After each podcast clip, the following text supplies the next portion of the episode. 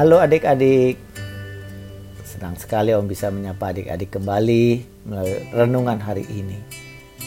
Om berharap adik-adik selalu sehat dan sukacita selalu ya. Baik adik-adik, sebelum kita mulai kita mau berdoa dulu. Kita minta penyertaan Tuhan. Yuk kita berdoa. Tuhan Yesus kami sebentar lagi mau membaca dan merenungkan firman-Mu. Tuhan tolong kami supaya kami mengerti dan memahami firman-Mu dan dapat melakukannya di dalam kehidupan kami setiap hari. Terima kasih ya Tuhan Yesus. Amin. Adik-adik, pembacaan Alkitab saat ini diambil dari Markus 4 ayat 1 sampai dengan 6. Yang sudah pegang Alkitabnya, kita buka dari Markus 4 ayat 1 sampai 6. Beginilah firman Tuhan. Pada suatu kali Yesus mulai pula mengajar di tepi danau. Maka datanglah orang banyak yang sangat besar jumlahnya mengerumuni dia. Sehingga ia naik ke sebuah perahu yang sedang berlabuh lalu duduk di situ. Sedangkan semua orang banyak itu di darat di tepi danau itu. Dan ia mengajarkan banyak hal dalam perumpamaan kepada mereka. Dalam ajarannya itu ia berkata kepada mereka, Dengarlah adalah seorang penabur keluar untuk menabur. Pada waktu ia menabur, sebagian benih itu jatuh di pinggir jalan. Lalu datanglah burung dan memakannya sampai habis. Sebagian jatuh di tanah yang berbatu-batu yang tidak banyak tanahnya.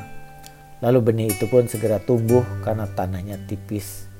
Tetapi sesudah matahari terbit, layulah ia dan menjadi kering karena tidak berakar. Nah, adik-adik, demikian pembacaan firman Tuhan. Adik-adik, renungan kita hari ini diberi judul Benih yang jatuh di tanah berbatu benih yang jatuh di tanah berbatu. Dengan ayat fokus dari Markus 4 ayat 5 dan 6 yang mengatakan sebagian jatuh di tanah yang berbatu-batu yang tidak banyak tanahnya lalu benih itu pun segera tumbuh karena tanahnya tipis tetapi sesudah matahari terbit layulah ia dan menjadi kering karena tidak berakar.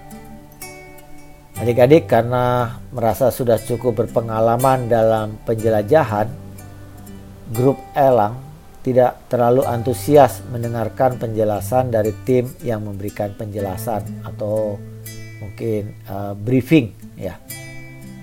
Tim yang melakukan briefing sebenarnya memberikan penjelasan yang detail dan memang sedikit berbeda dengan penjelajahan sebelum sebelumnya.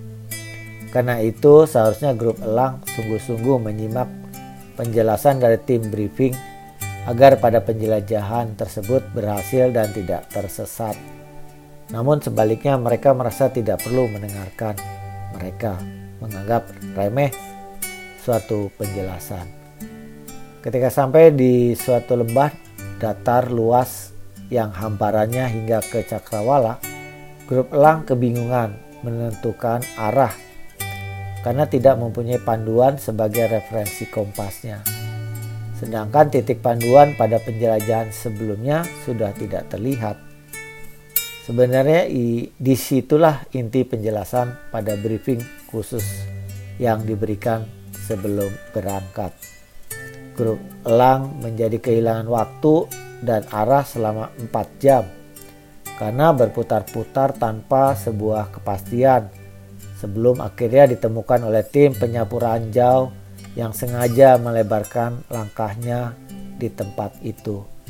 Meskipun sudah berpengalaman, sebaiknya grup elang tetap memberi perhatian pada penjelasan khusus yang penting. Respon mereka seumpama tanah tipis yang berbatu. Mereka memahami dan yakin pada informasi yang diberikan tapi kemudian lenyap dan membuat mereka tersesat. Begitu juga adik-adik, ketika kita membaca atau mendengarkan firman Tuhan, kita tidak boleh menganggap remeh merasa sudah tahu dan mudah melakukannya. Justru di situlah kita mesti sungguh-sungguh mendengarkan firman Tuhan.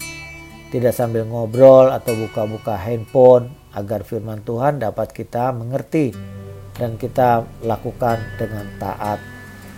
Kita sungguh-sungguh bertekad dan berjanji mendengarkan firman Tuhan. Ya, adik-adik. Yuk, mari kita mau katakan bersama-sama, aku mau mendengarkan firman Tuhan dengan segenap hati. Om ulangi, aku mau mendengarkan firman Tuhan dengan segenap hati. Demikian adik-adik, mari kita berdoa kembali. Bapa di sorga, karuniakan kepada kami telinga yang setia untuk mendengarkan dan hati yang senantiasa menyimpan dan melakukan perintah Tuhan. Ampuni kami jika kami menganggap remeh firman Tuhan. Terima kasih Tuhan Yesus, dalam namamu kami berdoa. Amin. Nah, adik-adik demikian ya firman Tuhan dan renungan kita hari ini. Kiranya kita selalu mengingatnya dan kita melakukannya di dalam kehidupan kita setiap hari.